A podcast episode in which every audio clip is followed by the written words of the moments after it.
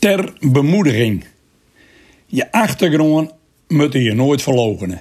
Tenminste, dat vind ik. Dat ik een gereformeerde vader en moeder had en dat ik als jonkje zondags twee keer naar de Goed Old Noorderkerk aan het Sneken bolwerk moest, hoorde simpelweg bij mijn opvoeding. Ik heb er geen grote traumatische gevolgen aan overhouden en ik heb ook nooit de behoefte gehad, alle maten het had, om anti-gereformeerde romans te schrijven. Ik weet trouwens dat ik maar een fractie van het schrijftalent van die gereformeerde maten had, maar dat terzijde. Wat ik wel deen heb, is zo nou en dan een gereformeerd vers schrijven. Tegenwoordig noem ik dat protestantse versen. Ik kom er aansjes nog op waarom. Ondertussen ben ik al meer dan 30 jaar wees. En ik weet niet hoe mijn oude lui reageren zouden als ze even om het hoekje koekeloeren komen.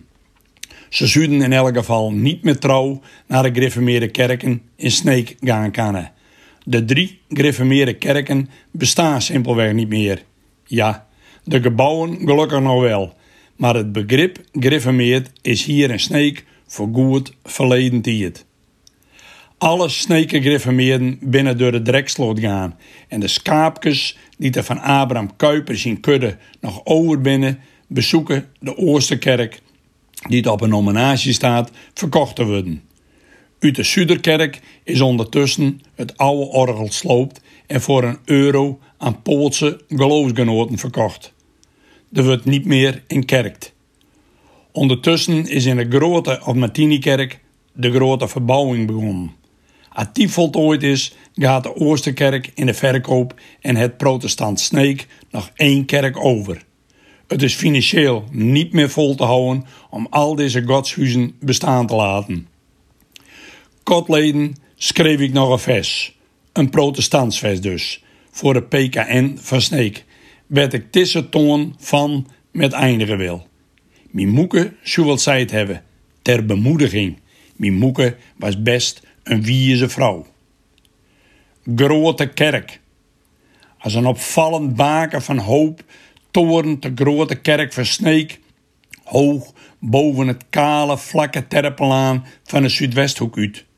De heilige Martinus, fraai stileerde gouden wiefaan, blikkend in het zonnelicht van al het eeuwenoude houten klokkenhuis deelt onbaatzuchtig zijn kostbare mantel uit aan mensen die het beskuild zoeken in de ruimte van een onmetelijk godshuis. Voor Sint Martinus geen onderscheid. Iedereen is welkom. Ja, echt iedereen die warmte en genegenheid zoekt. Hier, achter het braafschilderde kleurrijke glas- en loodraam, is het een oase voor mensenkinders onderweg. Ondertussen pingpongen, fleurige carillionklanken over de stad. Een hoopvolle tiert in, verbinden oud en jong, in architectuur van bouwmeesters die de toekomst troost binnen. Boven het oud kerkhof vliegen hout en tottelduwen als steken van vrede. Stadse kathedraal van gister, vandaag en morgen.